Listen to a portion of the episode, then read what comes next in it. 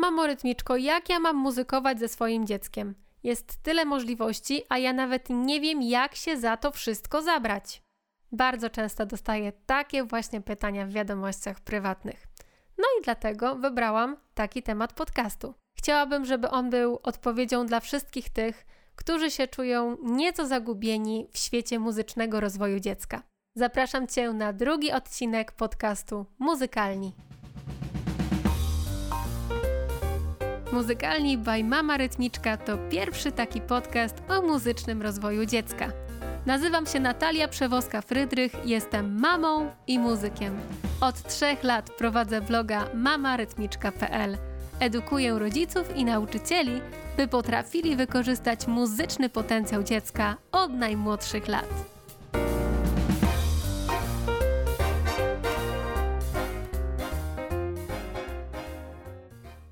Zaczynam od ogłoszeń. Od razu przepraszam, że tyle trzeba było czekać e, na ten drugi odcinek. E, od teraz obiecuję większą regularność. Mam taki plan, e, żeby co dwa tygodnie pojawiał się nowy odcinek podcastu. W zeszłym tygodniu zakończyło się wyzwanie mailowe Wartościowe muzykowanie z dzieckiem. Być może e, udało Ci się wziąć w nim e, udział. Na to wyzwanie e, zapisało się ponad 1300 osób, także cieszę się, że było tak liczne zainteresowanie. I odbyła się też premiera i przedsprzedaż szkolenia Proste instrumentacje dla dzieci.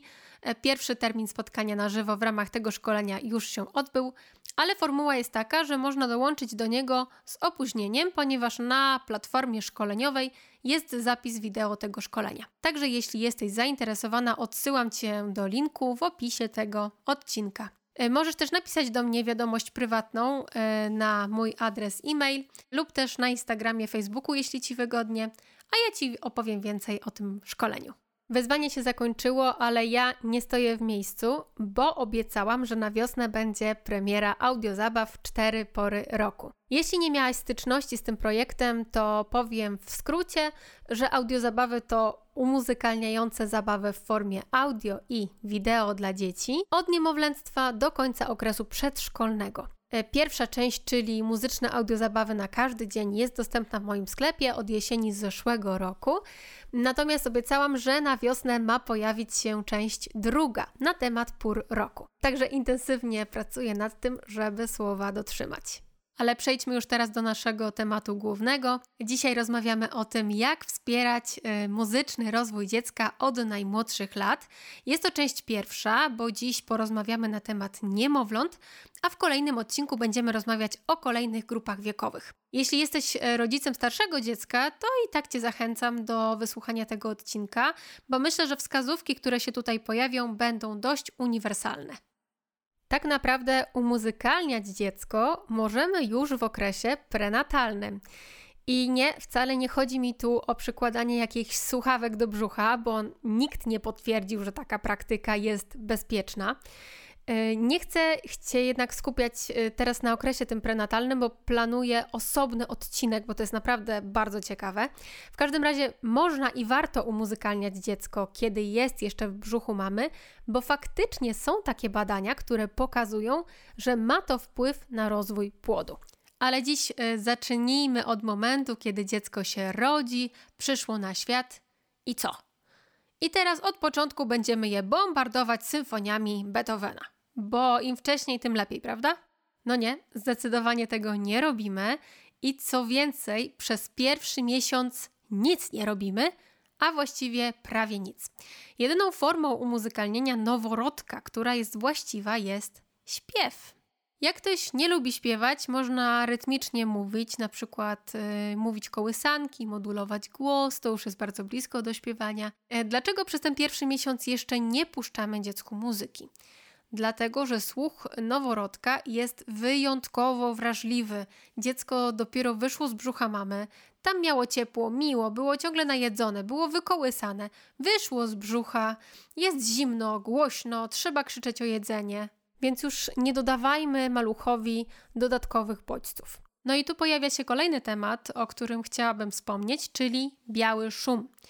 Temat jest dość kontrowersyjny, ale myślę, że warto o tym rozmawiać i posiłkować się wiedzą, szczególnie, że wielu rodziców ma wątpliwości.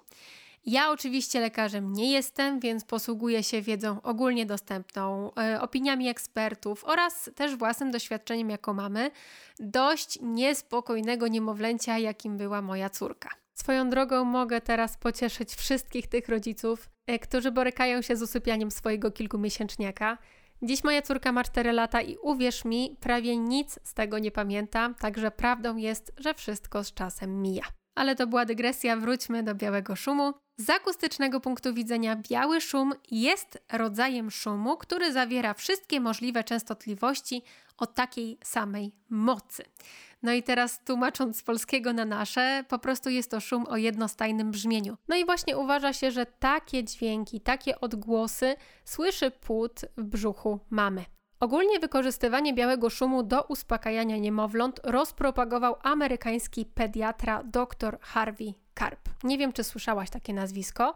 Dr Harvey Karp w swojej książce Najszczęśliwsze niemowlę w okolicy pisze o tym, że stosowanie białego szumu podczas snu niemowlęcia wydłuża ten sen o godzinę. No i teraz wielu ekspertów zarzuciło doktorowi Karpowi, że jednak słuchanie jednostajnych dźwięków przez tak wiele godzin może doprowadzić do problemów ze słuchem dziecka w przyszłości. No i zdaniem tych ekspertów, e, aby ta praktyka mogła zostać uznana za bezpieczną, to głośność szumu nie powinna przekraczać 50 dB i powinno się go wyłączać, gdy już niemowlę zaśnie. A z tym z kolei nie zgadza się dr Karp, który uważa, że działanie szumu jest widoczne dopiero przy 60 dB i powinien być stosowany przez całą noc. Tak naprawdę nikt nie może udowodnić, jaka dawka białego szumu będzie dla dziecka bezpieczna, ponieważ wykonywanie takich badań jest po prostu nieetyczne, więc pozostaje się odwołać do y, naszego rodzicielskiego rozsądku. Większość ekspertów jest zgodna co do tego, że stosowanie białego szumu może być bezpieczne, ale jeśli będziemy kontrolować jego głośność, za właśnie tą bezpieczną uważa się 50-50 dB, y, oraz jeśli zadbamy o to, by urządzenie szumiące leżało z dala od głowy dziecka. W przypadku mojej córki biały szum faktycznie był skuteczny. My korzystaliśmy z aplikacji na telefon, ale stosowaliśmy się do ogólnych zasad bezpieczeństwa, jeśli chodzi o głośność i odległość od dziecka. Chciałabym jednak podkreślić, że z muzycznego punktu widzenia biały szum nie jest e, czynnikiem, który byłby umuzykalniający dla dziecka e, i służy tylko temu, by dziecko wyciszyć. Nie wpływa to w żaden sposób na jego muzyczny rozwój. Tu od razu jeszcze jedna dygresja. Dla wielu dorosłych biały szum także jest uspokajający, na przykład dla mnie, choć ja osobiście wolę go w formie naturalnej, na przykład szum morza albo jednostajnie padający deszcz. E, warto wypróbować, szczególnie wtedy, gdy trzeba się skupić na jakiejś pracy. Można spróbować, czy biały szum faktycznie e, wtedy pomaga się skoncentrować.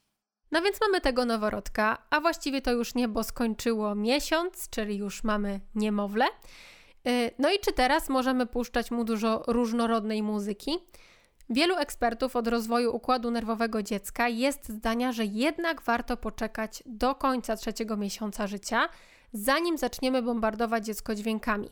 Zresztą w większości przypadków, kiedy mamy zajęcia umuzykalniające dla niemowląt oferowane w różnych miastach, to są to zajęcia dedykowane maluchom od trzeciego miesiąca życia. No właśnie, i tutaj przy zajęciach możemy się zatrzymać, bo wiem, że dla wielu rodziców to jest ważne. E, jeśli w Twoim mieście jest taka możliwość, to naprawdę warto wybrać się z niemowlakiem na zajęcia. Czy to zajęcia gordonowskie, czy inne umuzykalniające, ważne jest, by były poprowadzone przez osobę, która się na tym zna. Ja wiem, że niełatwo jest e, to w każdym przypadku stwierdzić. Na przykład po zajęciach gordonowskich powinniśmy się spodziewać, że nie pojawią się na nich instrumenty. Ja mówię tu o zajęciach czysto gordonowskich. A prowadzący będą używać wyłącznie swojego głosu, bo jest to zgodne z teorią Gordona. Natomiast zajęcia dla maluszków nie muszą być oczywiście prowadzone tylko teorią Gordona. Prowadzący mogą korzystać też z innych metod. Jeśli jednak już ktoś określa, że pracuje daną metodą, to fajnie by było, żeby się jej jednak trzymał. Jest oczywiście dużo różnych rodzajów e, zajęć muzycznych dla maluszków. Są zajęcia z instrumentami, są zajęcia w języku angielskim, muzyczno-sensoryczne. Naprawdę wybór jest duży.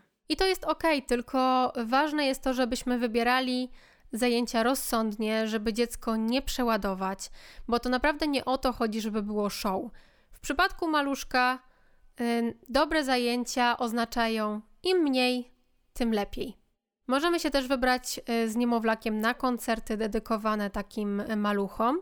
Na tych koncertach dzieci mogą się zachowywać swobodnie, a jednocześnie mają kontakt z różnorodnymi instrumentami i z różnorodnymi wrażeniami, także ogólnie bardzo polecam. Co poza zajęciami? E, bo przecież nie wszyscy mieszkamy w dużym mieście. Z reguły w małych miejscowościach jest problem z dostępnością zajęć prowadzonych przez profesjonalistów. No więc najważniejsze pytanie, które należałoby sobie tutaj zadać, to pytanie, co ja mogę zrobić z dzieckiem w domu, by wspierać jego muzyczny rozwój. Zacznijmy od słuchania muzyki.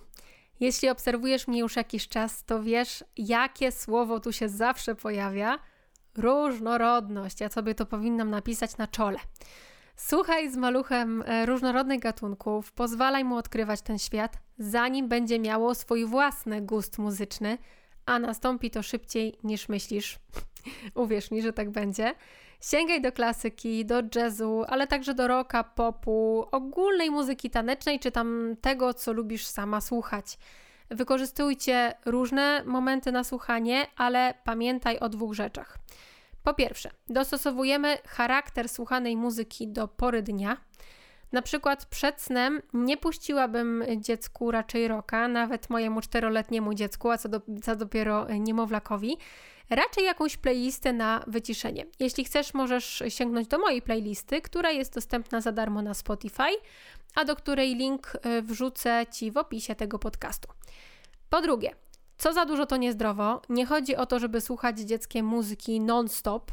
Nie chodzi nam też o to, żeby dziecko przebodźcować. Raczej szukamy momentów w ciągu dnia, kiedy ta muzyka pojawia się na przykład podczas jazdy samochodem, podczas zabawy itd. Tak było o słuchaniu, to teraz o śpiewaniu.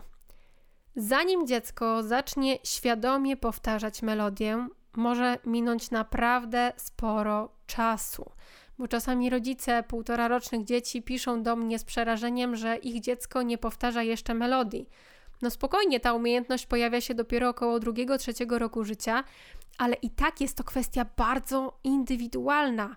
Dziecko w tym wieku może powtórzyć krótki fragment melodii, a może w ogóle jej nie powtórzyć. Mm, natomiast na samym początku ważne jest to, by dziecko miało kontakt z prostą piosenką dziecięcą. Najlepiej taką, którą słyszy śpiewaną na żywo w naszym własnym wykonaniu. Dlaczego? Po pierwsze, kształtuje to jego słuch muzyczny, po drugie, wspiera rozwój mowy. Dzięki temu, że melodia łatwo wpada w ucho, maluch jest w stanie zapamiętać dużo więcej słów, niż gdybyśmy te same słowa wypowiedzieli w formie zdania. Zresztą sprawdź to na sobie. Przypomnij sobie, ile tekstów piosenek znasz. Gdybyś miał się nauczyć tych samych słów w tej kolejności, powiedzianych przez kogoś, to mogę się założyć, że tak szybko byś ich nie zapamiętała. No dobrze, a co jeśli mamy problem ze śpiewaniem? Zmuszać się nie ma sensu, więc zacznijmy na przykład od rytmicznego mówienia tekstu piosenki z modulacją głosu. Na przykład Wlazł kotek na płotek i mruga, Ładna to piosenka niedługa. Z czasem, być może dzięki takiemu właśnie rytmicznemu modulowaniu głosu, Twój głos sam się otworzy i być może zaczniesz śpiewać szybciej niż w tym momencie myślisz ale powoli to jest proces, także cierpliwości. Jeśli nie wiesz, co masz śpiewać, sięgaj do piosenek popularnych, ludowych, takich, które śpiewali nasi dziadkowie. Nie bójmy się ich. Jest mnóstwo fajnych piosenek użytkowych, które uczą świadomości części ciała, piosenek masażyków, które można wykorzystać. W dobie internetu jest naprawdę duży wybór. No ale to ma też jedną wadę, bo musimy selekcjonować te piosenki. Nie każda piosenka jest wartościowa. Jeśli szukasz inspiracji, zajrzyj na mój kanał YouTube. E, na moim blogu znajdziesz playlisty i płyty z wartościową muzyką. Na moim Instagramie znajdziesz przykłady takich prościutkich piosenek na początek.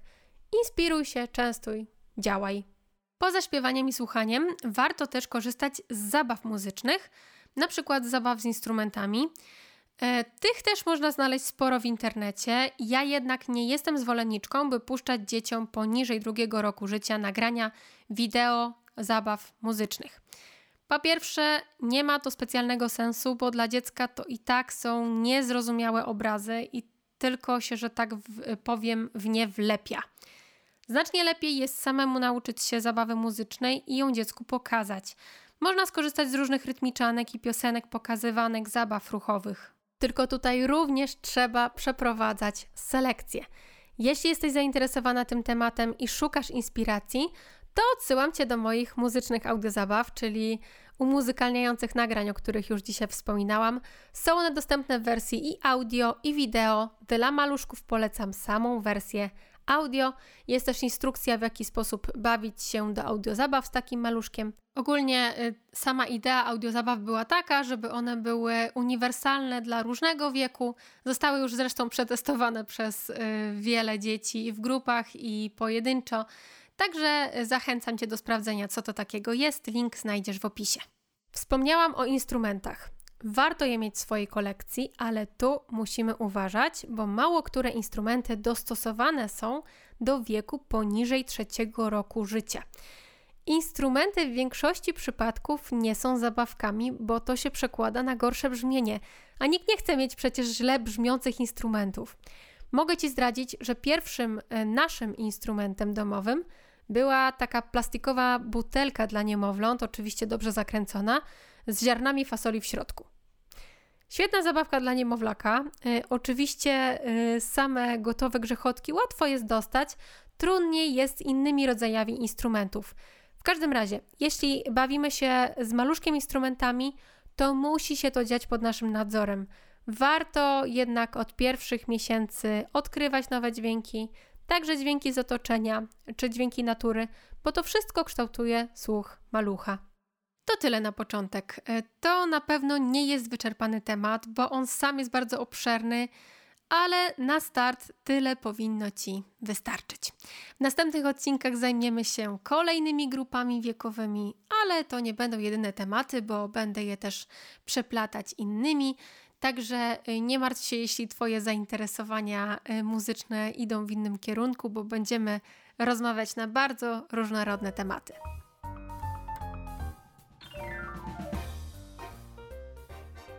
Już teraz możesz zacząć muzykować z dzieckiem lub urozmaicić swoje zajęcia, korzystając z inspiracji, zabaw, piosenek i materiałów, które wrzucam na moje social media oraz kanał YouTube.